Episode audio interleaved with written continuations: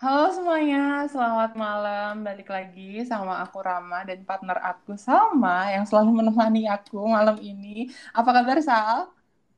Luar biasa sekali Rama. Oh, iya. Podcast kemarin itu kita bahas apa sih? Kita bareng KDR MFHU aja ya kan? Iya kan? Yep, kita seru-seruan ngobrol sama Kak Judit, ada Kak Thomas juga mengenai keberlangsungan KDRM selama mereka pandemi, kepengurusan baru mereka, kemudian lomba-lomba yang mau diikuti juga sama KDRM di tahun kepengurusan mereka 2021-2022. Gitu, Sal. Yap. Wow, wow. Jakarta sekarang ano, agak anomali gitu loh Sal cuacanya tuh. Jadi itu kalau siang itu panas banget dan kalau malam itu mendung, kadang-kadang hujan angin. Jadi untuk teman-teman semua yang lagi dengerin di mana pun kalian berada, stay healthy, stay safe ya teman-teman semua. Nanti mungkin mungkin, mungkin meskipun ini sudah bulan Agustus dan PPKM yang kesekian seriesnya udah lama banget masih berlangsung. kalian kangen gak sih sebenarnya sama upacara 17-an, Sal? Jujur deh, kangen gak? Oh. Aduh, Terah, kangen gak ya? Kayak dipanas-panasin gitu ya Sal. Terakhir upacara kangen. 17 Agustus kapan Sal? Kayaknya kelas 2 12 SMA deh. iya bener, apalagi kalau sekolahnya swasta ya kadang-kadang nggak ada upacara, Wak. Aduh, wah, wah. Kalau aku masih ada ya. Gitu. Iya sih. Uh-uh. Jadi mungkin tahun ini kita bisa ikutan apa FH mau ngadain upacara virtual kan? Bisa juga ya apa-apa virtual mah sekarang. Oke, okay, buat teman-teman semua, jangan lupa ini informasi penting untuk UAJ. Kita selalu selit. Jangan lupa buat teman-teman semua bayar SPP tetap ya, Pak. Sampai tanggal Aduh. 12 Agustus. Gak ada duit. juta, ya kan? Dan kita mulai bimbingan akademik itu di, juga di tanggal 12 Agustus. Jadi teman-teman semua untuk syarat KRS itu harus membayar lunas SPP tetap gitu. Jadi kalian juga bisa cek di kalian MS Team udah dimasukin grup bimbingan atau belum? Kalau belum coba dikontak dulu dosen pembimbingnya lewat grup perkuliahan itu udah ada list tuh sama kontaknya. Pasti dosen pembimbing akan ngasih konfirmasi kalian dan masukin kalian ke dalam grup gitu. Next topic, next topic kemarin ini lagi anget-angetnya sih di UAJ. Kamu ikutan Merdeka Belajar nggak sih Sal? Aduh, Merdeka oh, Belajar ya belum bisa ya kita masih semester hmm. lima ya Sal iya tapi kalau mau pertukaran pelajar Iya, cari-cari orang baru gitu. Jadi yeah. teman-teman semua yang mau atau berminat magang minimal semester 6, kemudian kalau mau itu bisa dilakukan semua jenjang semester dan bisa ikutan riset untuk khusus semester 7 dan ke atas itu bisa langsung masing kalau di bagian uh, bagian pertukaran pelajar itu bisa kontak Bu Nindri, kalau di bagian magang bisa kontak sama Bu Nanda, kalau di bagian risetnya bisa kontak sama Pak Ray. Kan bola bagus nih Sal, harus dijemput lah ya, ya kan Sal? Kesempatan bagus ini buat kita Iya bener banget loh, aku lihat magangnya tuh di Ombudsman, Kemenlu, kemudian law firm law firm keren, kemudian ada kantor-kantor notaris juga kan sayang banget gak sih untuk dilewatin kayak gini biar kita tuh nggak sekedar tahu teorinya aja tapi juga praktiknya ya kan Sal. Benar. Mm-mm. Kemudian di riset-risetnya tuh udah riset di berbagai bidang seperti HAM, kemudian difabel dan banyak lainnya gitu. Kemudian jangan lupa kita harus update isu sosial. isu sosial ala Dasen kemarin Dasen sempat interview sama single mom yang ada di Yogyakarta, beberapa single mom yang ada di Yogyakarta. Kan ternyata single mom ini tuh banyak banget suka dukanya gitu loh. Di, jadi single mom di Indonesia bahwa uh, banyak banget keluhannya mulai dari stigma, kemudian mereka nggak bisa ngurus uh, kalau misalnya stigma ketika mereka bercerai kemudian mereka berarti nggak bisa mengurus rumahnya kemudian dorongan dari keluarga framing media mengenai single mom dan yang nggak nggak banget lah. Maksudnya menurutku di era 2021 kalian masih framing single mom. Untuk single mom yang ada di luar sana aku selalu bilang you are worth it. Kalian keren dan luar biasa. Jadi mungkin ditunggu aja artikelnya up di Dasen karena karena otomatis nanti kita bakalan Uh, spoiler dulu apa yang akan keluar interview kita sama 11 single mom di Indonesia gitu. Yeah. Empower. Oke. Lanjut next saja ya, kita udah kedatangan tamu malam minggu ini. Biarkan dua partner dinamik duo Dasin, Rama dan Salma menyambut tamu kita. Iya kan Sal? Ada, Yep. ada dari mana? Tung tung tung tung tung dari Arvi, Respak Veritatis. Yeay, ada Kak Rahayu sama Regina udah terhubung sama kita di Halo, Um, malam. malam. Apa kabar? baik dong. Puji Tuhan, baik. ya, baik ya.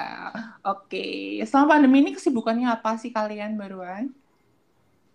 Siapa nih yang mau jawab duluan? Siapa dulu Kak Regina boleh coba. Kita kepo nih, lagi sibuk apa sih Kak? Habis diangkat jadi sekjen ya? Aduh, kalau di Arvi sebutannya wakil direktur. Oh, wakil direktur. Oke. Iya. Em, jadi selama pandemi ini pastinya sibuk kuliah online lagi dan lagi, tidak lain Hmm. tidak bukan. Oh iya Lalu benar. juga sibuknya ya ini sih ngurus eh, kegiatan selain kuliah juga kegiatan-kegiatan di Arvi karena kan kita harus produktif ya selain kuliah kita juga harus tetap em, mengupgrade skill kita eh, terutama di organisasi itu sih kira-kira kesibukanku akhir-akhir ini. Untuk Kak Rahayu gimana nih Kak? Lagi sibuk ngapain gitu? Kalau aku sendiri eh, pasti nggak jauh beda lah ya sama Regina juga karena kita juga satu organisasi. Pastinya yang eh, pertama juga eh, ngurusin proker, nyiapin program yang nantinya bakal kita jalanin selama eh, satu semester ini. Terus kemudian juga sekarang lagi eh, sibuk buat nyiapin eh, NMCC AHT ya anti human trafficking yang diadain di di Unila. Gitu aja. Oh, keren banget ya. Aku tuh selalu lihat kalau Arvi ini tuh kayak apa ya, kayak sibuk gitu doh. Prokernya tuh banyak banget, sedangkan acara-acara lombanya juga sangat beragam dan luar biasa. Ini sejalan ya sama artinya Arvi ini, Respak artinya peradilan dan Veritati itu artinya kebenaran. Jadi kalau misalnya teman-teman berminat untuk sibuk kayak Kak Rahayu sama Regina ini Aduh. mengisi perkuliahan kayak mereka bisa gabung sama Arvi ya Kak ya. Arvi udah udah tujuh tahun. Arvi itu udah tujuh tahun. Diibaratin kayak anak kecil. SD kali ya Kak, umur dua SD SD gitu nggak ya sih? SD atau TK malah ya SD kan? Udah Jadi SD. udah iya SD kan udah bisa satu ya? jalan, udah bisa jalan, ADART-nya udah nyaman dan lain sebagainya dan punya banyak alumni yang luar biasa tentunya. Di tahun ini ada 31 anggota pengurus kan Kak? Betul. Benar. Apakah berminat untuk membuka magang di tahun ini? Gimana sama Arfi? Uh, mungkin aku jawab dulu kali ya. Uh, Iya, boleh. magang pastinya kita setiap periode itu bakalan ngebuka dan untuk kapannya nanti uh, mungkin kita bakal ngik uh, kami ya bakal ngikutin alur dari uh, kampus dulu inisiasi dulu kalau misalnya nanti uh, maba ini udah mulai masuk pasti nanti ke kami bakal ngeluncurin oprek buat magang ini Oh, oke. Jadi kalau misalnya kita mau magang di Arfi, apa sih yang harus disiapin mindsetnya dulu sih Kak? Apa itu Arfi? Kemudian di Arfi itu ngapain aja? Bisa diceritain secara singkat gitu. Uh, mungkin kalau magang itu kan uh, kami membukanya nggak cuma angkatan yang kayak udah tinggi gitu ya. Pastinya kami sangat membuka lebar buat angkatan uh, baru. Misalnya untuk nanti angkatan 21 pastinya kami nggak bakal uh, ngasih syarat yang sangat gimana-gimana. Yang pastinya mereka uh, mahasiswa aktif di Majaya FH Atma. Kemudian uh, pastinya memiliki kemauan yang tinggi ya untuk belajar mengenai peradilan semua itu bagaimana dan sanggup bertanggung jawab untuk berdinamika nantinya di dalam ke, eh, kepengurusan dan magang itu. Khususnya lingkungan peradilan gitu ya Kak kali ya. Iya, betul. Nyicipin dulu nggak sih? Kayak PLKH di semester 1. Iya, betul. Iya kan? Mirip-mirip kan, ya pun dua SKS diangsur di semester 1 gitu loh. Maksudnya ngangsur belajarnya wah gitu. Oke, sama ada pertanyaan buat mereka. Aduh, kemarin KDRM, sekarang Arfi gitu kan. Jadi kayak, Iya. wah anak-anaknya ini pasti sistematis banget nih. Pasti anaknya Minder, profesional. Wak. Minder. Ngeper aku. Iya bener ya, kita kan kayak anak-anak ini ya, ini asal agak-agak, aduh aku minder nih mau mau interview sama Arfi. Waduh, jangan gitu dong. Uh, tapi gini, uh, ini kan aku habis lihat-lihat nih kan di IG-nya Arfi, itu ada divisi kreatif, ada kompetensi internal dan kompetensi eksternal. Bisa dong di-spill dulu apa tugas-tugas dari divisi tersebut? Mungkin dari Kak Regina mungkin. Iya, mungkin Regi. Um, Oke, okay. kalau di Arfi itu kebetulan kami ada tujuh divisi, uh, dibagi jadi dua kelompok. Yang satu kelompok kompetisi, yang satu kelompok uh, organisasi kalau yang tadi yang udah disebutin sama Kak Salma, itu ada kompetisi internal dan juga kompetisi eksternal. Nah, kalau yang kompetisi internal itu biasanya nanti uh, mereka yang bertugas untuk uh, membuat lomba-lomba uh, atau kompetisi-kompetisi yang pastinya berhubungan dengan peradilan semu di internalnya FHUAJ. Mungkin kalau Karama sama Kak Salma udah pernah dengar IMCC, Internal Mood Card Competition, Nah, itu adalah kompetisi yang jadi prokernya si divisi internal, eh kompetisi internal. Lalu untuk si kompetisi eksternalnya sendiri, itu nanti mereka yang bertugas uh, nyari uh, mana nih NMCC di luar FHUAJ yang bisa kita ikut, yang yang bisa kita uh, ikut serta uh, kompetisinya. Nah, itu biasanya mereka yang cari-cari uh, informasinya, kayak gitu sih. Nah, lagi satu kelompok organi uh, kelompok divisi yang lagi satu tuh ada organisasi itu isinya ada uh, if, uh, divisi event, divisi uh, pusat pengembangan sumber daya manusia, terus ada kajian strategis dan juga hubungan publik dan media kreatif. Kalau empat uh, divisi ini kurang lebih uh, pastinya proker proker dan job desk-nya hampir sama sih kayak divisi-divisi lainnya yang ada di organisasi lain ya event yang yang yang nantinya bertanggung jawab untuk menyelenggarakan acara PPSDM nantinya yang akan ini uh, mengembangkan sumber daya manusia di dalam ARFI maupun juga di lingkungan FAUAJ hubungan publik media kreatif yang pastinya berhubungan sama pihak eksternal dan juga editing editing ini mereka nih. Terus hmm. kajian strategis yang pastinya ini mengkaji isu-isu hukum terus juga memberikan konten-konten hukum dan juga ada lagi satu uh, divisi nih, usaha kreatif. Ini dia nih, uang, uang dan uang. Kalau di kami itu. oh, jualan risoles gitu, Kak? Uh, semboyannya uang, uang dan uang untuk menunjang pemasukan Arfi itu sih. Jualan wow. risoles. Ju Iya, tapi risoles kayaknya nggak bisa ya karena pandemi. Iya, bener. Nggak sih dulu kalau usda gitu kan, kita beli sendiri terus makan sendiri. Aku sedih banget itu. Bener kan? Terus aku ada mau tanya lagi nggak? Udah kayak itu aja. Oke okay, ya, aku mau juga mau giliran aku nih yang tanya kita seling-selingan aja ya tanyanya. Sekarang aku tuh uh, aku tuh melihat bahwa dari sejumlah anggota Arfi ini yang berjumlah 31 orang ini 11 orangnya itu ikut organisasi KDRM. Oh my ada God, KDRM lagi aku tuh aku melihat aku tuh kaget tuh waktu search gitu. Loh ada beberapa orang yang sebenarnya tuh 11 orang loh ini 11 orang irisan dari Arfi itu adalah anak KDRM salah waktu aku lihat-lihat. Terus mereka juga menduduki kayak jabatan-jabatan tinggi. Gimana caranya Rahayu sama Regina untuk memastikan bahwa uh, dengan tidak adanya irisan antara kedua organ adanya irisan antara du antara dua organisasi ini biar tetap mereka tuh menjalankan divisinya mereka masing-masing baik BK bisa memisahkan antara oh aku sedang di KDRM nih dan aku sedang di R. Ya sih mengenai hal itu. Coba so aku pengen dengerin sih kalian oh, okay. nanggepinnya gimana. Aku dulu ya oke okay. uh, emang sih kenyataan kalau dilihat-lihat kan dari kami itu banyak juga yang di divisi KDRM gitu. Yang pertama salut ya buat anggota-anggotanya karena mereka mampu buat join dan komit gitu di dua organisasi yang uh, anggapannya ya cukup sibuk lah seperti itu. Uh, terus gimana sih caranya memastikan bahwa mereka itu bisa full juga gitu loh di RV oke, okay, di KDRM oke. Okay. Pastinya langkah pertama yang kami lakuin dari RV itu sebelum merekrut itu pasti di wawancara pasti udah kami tanyain e, gimana nanti tanggung jawabnya, terus bagaimana membagi waktunya. Dan ketika mereka menjawab ya oke-oke aja, bisa nanti bakalan ngebagi waktu ya dari situ kami percaya bahwa mereka juga e, niat gitu loh buat belajar di Arvi juga meskipun mereka ada tanggung jawab di organisasi lain, mungkin memang itu niat dari mereka. Jadi ya e, kami percaya gitu kalau mereka itu bisa 100% untuk uh, semuanya kayak gitu bisa bagilah. Mungkin dari Regina bisa nambahin. Oke, aku tambahin ya. Mungkin uh, sebagian uh, sebagian besar jawabanku juga kurang lebih sama nih kayak si Rai.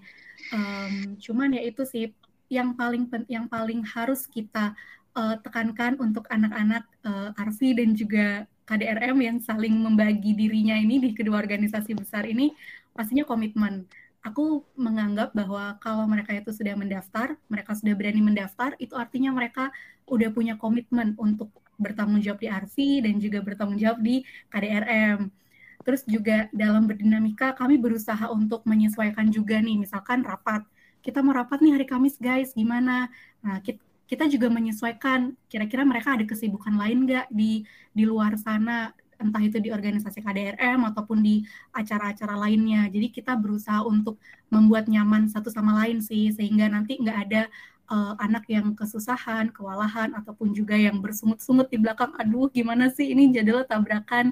Nah, ya kita berusaha untuk uh, cari jalan tengah yang kita sama-sama enak gitu sih, teman-teman. Oke, okay. Jawabannya sangat memuaskan dan diplomatis sekali ya sama teman-teman Arfi ini. Kayak kita kalau kita dengarnya tuh oh iya iya ayam ayam kita cuma bisa ngangguk-ngangguk Sal. Iya iya hmm. iya gitu. Ini aku ngangguk-ngangguk sendiri dari tadi ini. Sama, jadi kangen nih uh, offline. Iya loh, aduh hmm, kapan ya? Kapan ya offline ya wah gitu. Sama ada pertanyaan. Ya, ini kan Arfi ini kan dia apa ya peradilan semu ya. Kalau untuk dalam sistem peradilannya itu tuh yang sering dibawakan itu peradilan negeri kah, peradilan militer kah, atau yang lain, atau ada kriteria yang lain itu gimana? Rai ini jawab nih Rai, bagi. Oh ini ya jawab. Oke untuk uh, kami sendiri di Arfi untuk beberapa tahun terakhir ini memang kami uh, peradilan yang berfokus di ranahnya pidana ya. Nah jadi uh, emang apa ya kebanyakan kami ikutin NMCC pun di arahnya peradilan pidana. E, mungkin nanti di periode pengurusannya sekarang memang akan ini spoiler sih ya mungkin ya. memang kami iya. berniat untuk e, menca e, mencari lomba NMCC yang di ranah pidana, namun kami juga bakal ngelebarin sayap untuk mencoba mendaftar di peradilan perdata untuk observernya gitu, bukan delegasi NMCC kayak gitu sih. Oke, jadi mengeksplor lebih lagi di kepengurusan baru ini ya?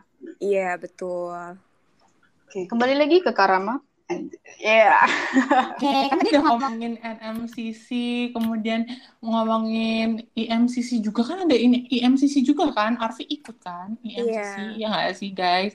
Coba kalian bisa nggak sih iya jelasin yeah, NMCC secara garis besar tuh kalian bakalan ngapain aja di sana, terus berapa karena NMCC tuh kelihatannya kalau nih ya, aku menurut spoiler teman-teman aku aja nih dari omongan teman-teman aku tuh mereka bakalan, aduh bentar ya maaf ya aku ada latihan NMCC nih gitu, dua bulan wak lama apa kantung matanya besar gitu kan sambil kayak pakai emot yang sedih-sedih gitu. Ah iya nggak apa-apa kamu latihan NMCC aja kayak gitu.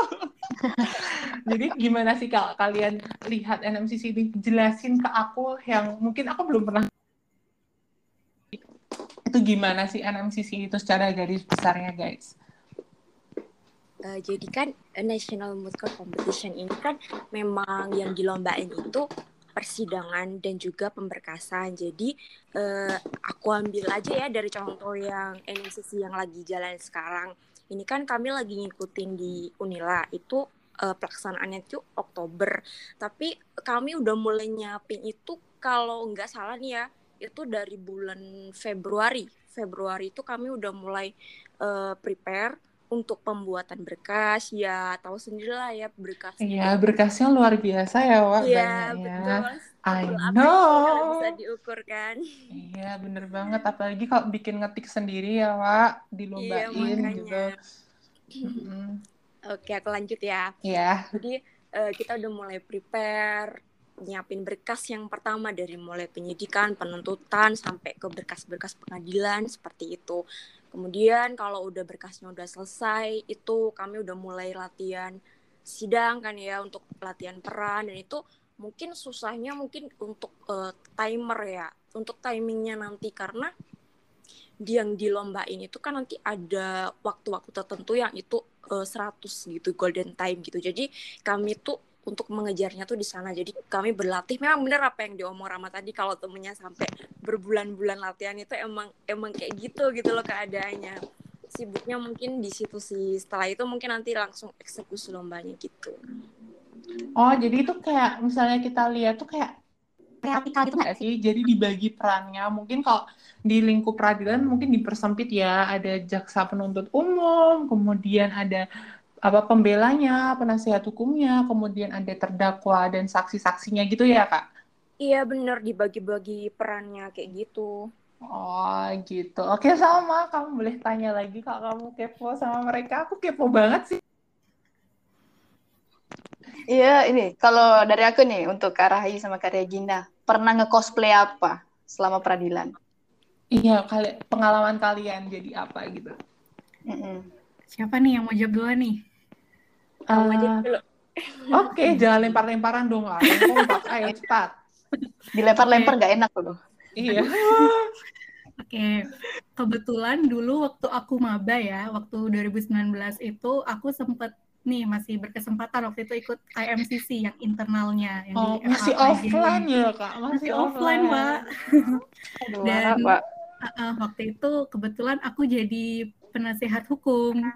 Baru itu sih kesempatanku untuk cosplay cosplayan di Arvi ini. Suka Depannya, dukanya? Semoga ada lagi. Suka, suka duka, dukanya, enaknya sama nggak enaknya gitu. Enaknya itu pastinya aku satu langkah lebih awal ya dari teman-temanku yang lain. Baru iya, semester satu udah PLKH, baru semester satu udah praktik sidang. Iya bener banget suka uh, sukanya banyak sih selain itu juga kan aku dapet teman baru waktu itu masih maba kan bisa kenal Rahayu hmm. bisa kenal lain juga. Terus dukanya sih uh, palingan uh, cuma nggak bisa nongkrong ya. Misalkan teman-teman circleku yang lain pada nongkrong Regi ayo nongkrong. Sorry ya guys aku harus ke kampus nih mau latihan sidang. Gitu iya. gitu sih cuma ya dukanya itu kan bakal terbayar sama pencapaian-pencapaian terus juga insight-insight baru yang aku dapat dari Arfi. Gitu guys. Oh gitu luar biasa keren banget ya Sa. Sebelum yeah. sebelum ke Kak Rahayu, Regina nge-mention nongkrong aku jadi kangen cimol sama ciloknya itu loh depan UAJ. Iya. Iya, kampus kayak enak banget ya. Dengan micinnya gitu. yang on point banget nggak sih? iya betul banget kayak kangen kampus nggak sih? Kangen rebutan lahan parkir sih lebih tepatnya. Oke, okay, next. Yeah. Ay, Kak, Kak Rahayu pernah cosplay apa Kak? Kok kita ngomongnya cosplay sih bermain peran apa?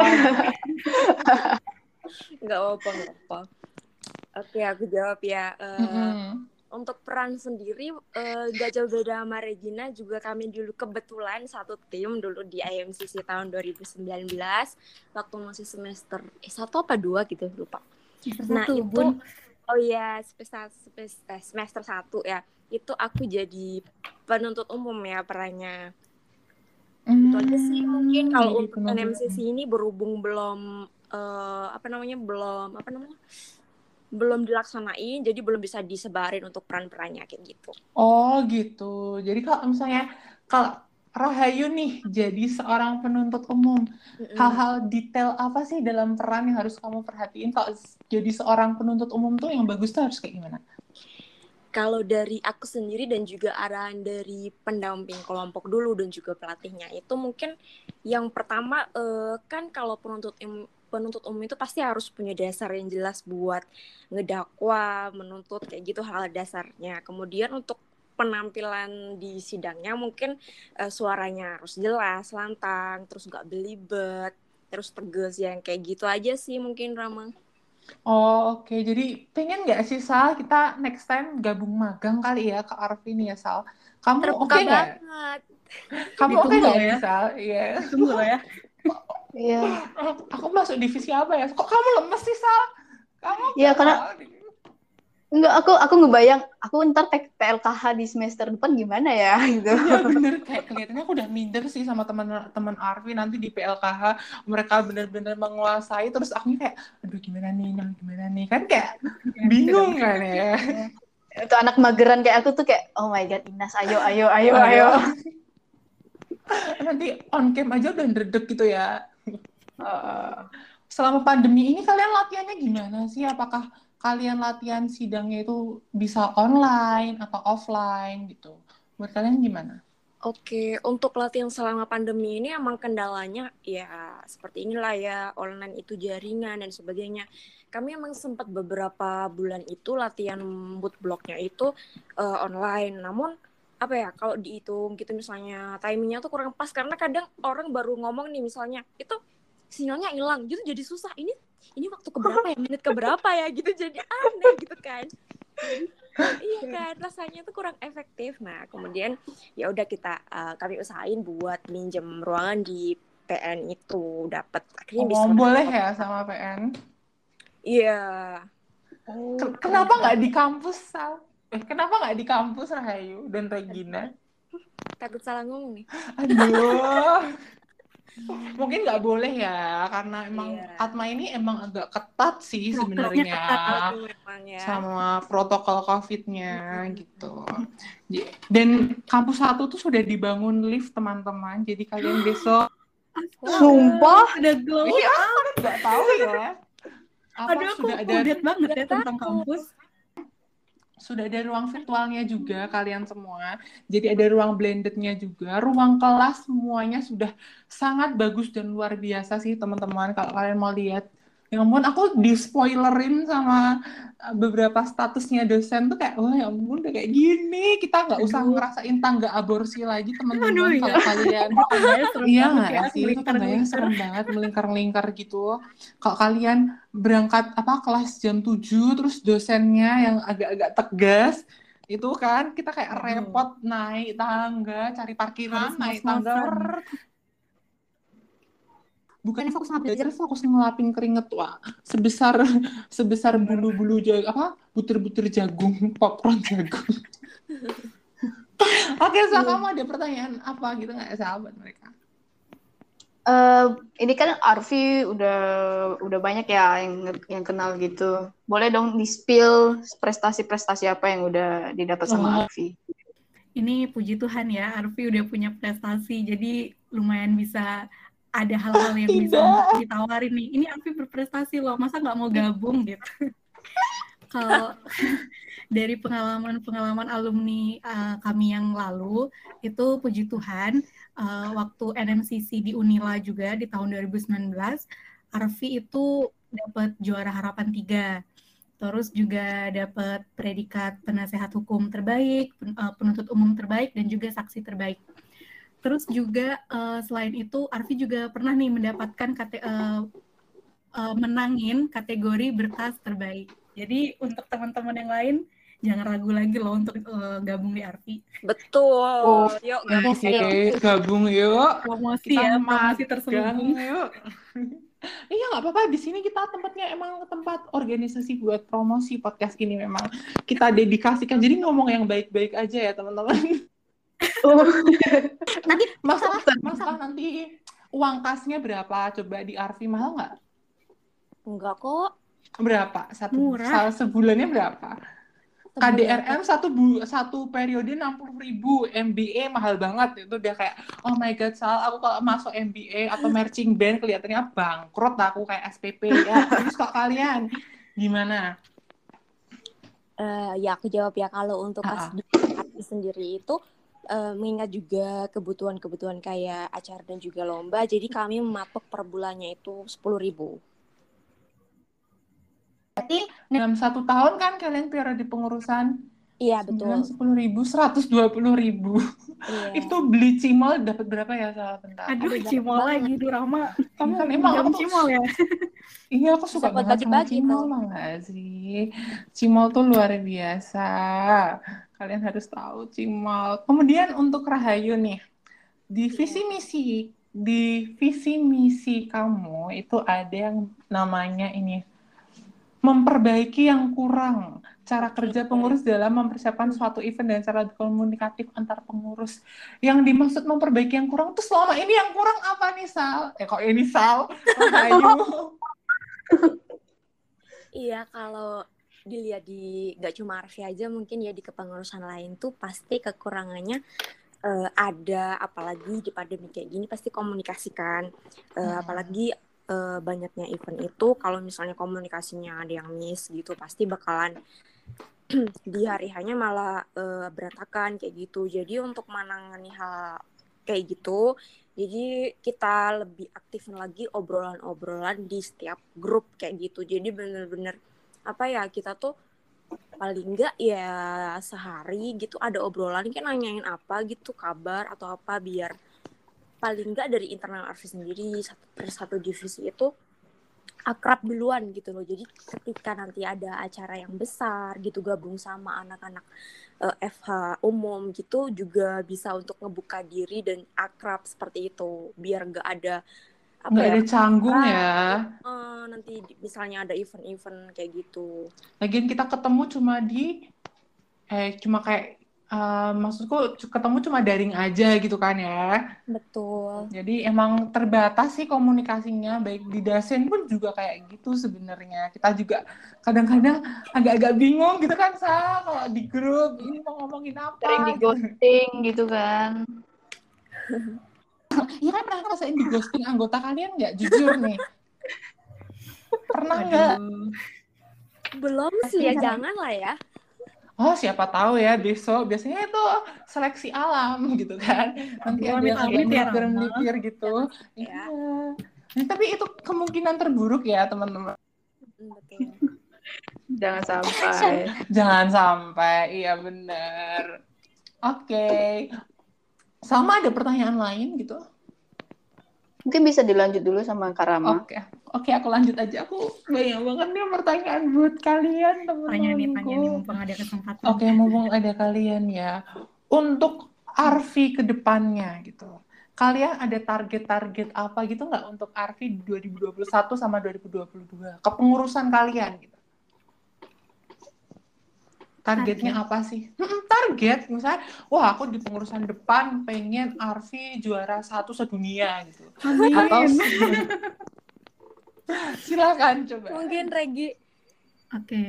targetnya pasti selalu berjaya dan selalu menang ya kalau tiap lomba Lomba ya, Pak. Benar.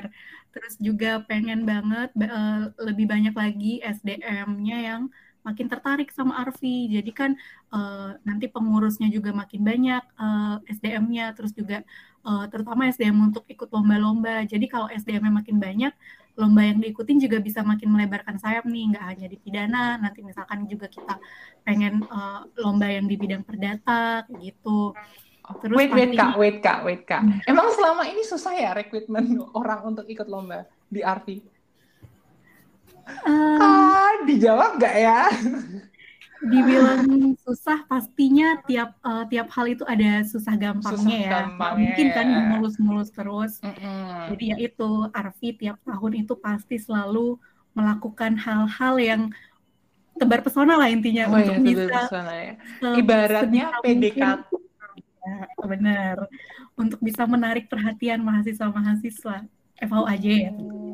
Oke, lanjut lanjut lanjut targetnya. Terus juga uh, karena target utama Arfi itu pastinya NMCC, jadi uh, nanti diusahakan eh, proker-proker dan juga kegiatan-kegiatan yang dilakukan Arfi itu um, harus bisa menarik minat sebisa mungkin ya, menarik minat mahasiswa tuh untuk lebih mengenal Arfi. Misalkan nih bulan ini Arfi ada kegiatan, mungkin beberapa waktu selanjutnya Arfi lagi ngad ngadain kegiatan lagi. Nah dengan demikian kan mahasiswa tuh jadi akrab, lebih familiar dengan Arfi. Jadi nanti kalau misalkan uh, lagi mau open recruitment lomba, orang-orang tuh jadi tertarik. Eh iya deh ikut deh Arfi kan keren kayak.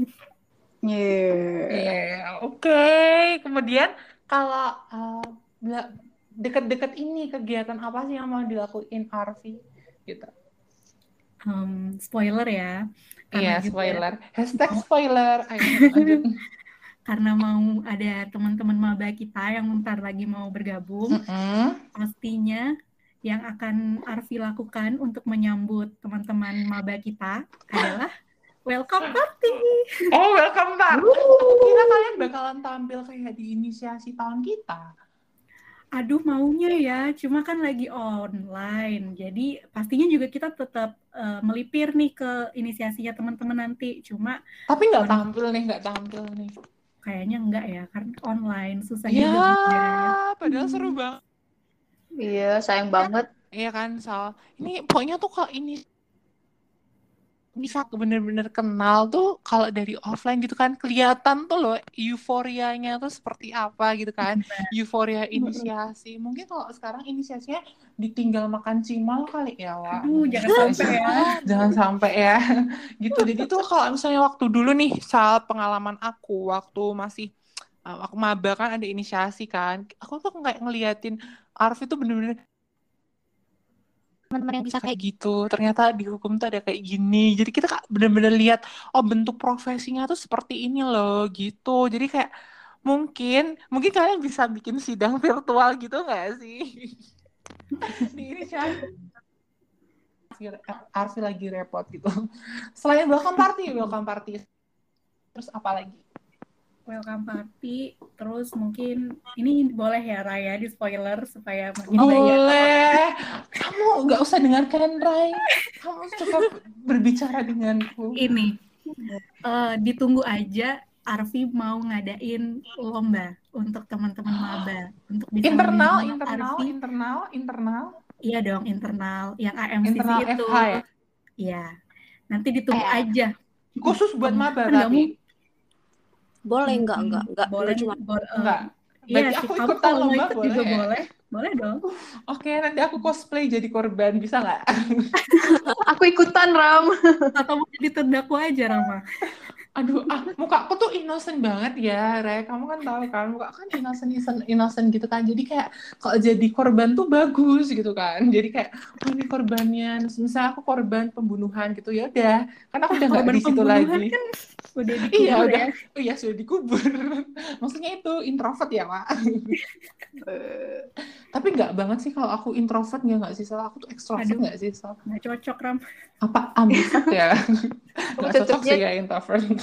Cocoknya Intro- ya. Iya introvert. Oke, next pertanyaan ini kayak kelihatannya pertanyaan terakhir kita sih. Aduh, sedih banget. Oke, next. Kalau kalian kan sering banget tuh ngadain kunjungan-kunjungan gitu, aku lihat tuh. Waktu zamannya offline ya, Wak.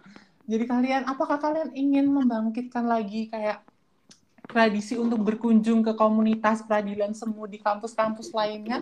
Mumpung online loh, sebenarnya kalau kunjungan tuh lebih ini nggak sih? kunjungan lebih mudah untuk dilaksanakan kalau online gitu. Soalnya kayak kita bisa ke mana aja, waktunya kita lebih fleksibel dan lain sebagainya. Gimana menurut kalian? Apakah kalian ada, oh kita mau kunjungan ke LP, eh, LPM, kunjungan ke peradilan semu, atau UI, atau UAD, atau Jana Badra? Kalian boleh jawab.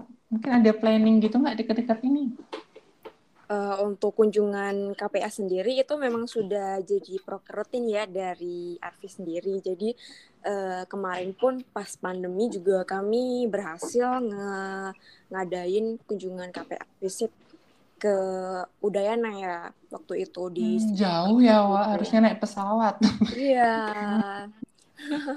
Mendekatkan yang jauh kan pandemi ini. Terus kemudian Oh, Artinya di periode ini bakalan ada lagi kunjungan ke KPS. Tapi tunggu ya. Iya betul. Tapi eksternal nggak boleh ya? Sorry tadi gimana putus? Oh, kalau eksternal Arfi boleh nggak tuh ikutan lihat gabung KPS selama virtual gitu? Eh, kalau untuk kemarin itu memang cuman internal, tapi eh, Oh. untuk untuk yang sekarang mungkin nanti belum fix banget bakal dikemas Hmm, apa kayak gitu. dikemas berbeda ya, biar teman-teman Mm-mm. yang lain bisa tahu gitu rasanya. Gitu.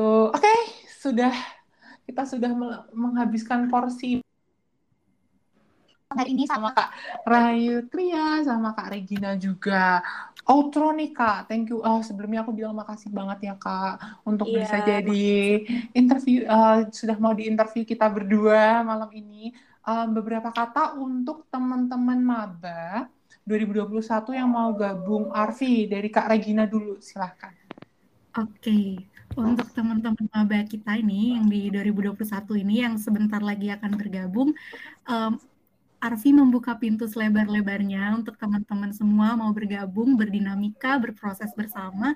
Jadi jangan ragu, jangan takut, karena kita juga nggak gigit ya teman-teman. Jangan ragu, jangan takut Iya. untuk gabung. Gabung aja pokoknya. Ter pastinya kalian bakal dapat insight baru, kalian dapat banyak deh informasi dan pastinya networking ya. Pasti bakal berguna deh. Iya, bener banget. Jadi jangan jangan takut ya pokoknya gabung di Arfi. Karena kalian membuka pintu selebar-lebarnya untuk semua anak-anak maba FH untuk bergabung sama Arfi kan, Rek? Iya dong. Iya, benar. Untuk Kak Tria nih, tips and triknya buat mereka kalau mau gabung gitu juga bisa.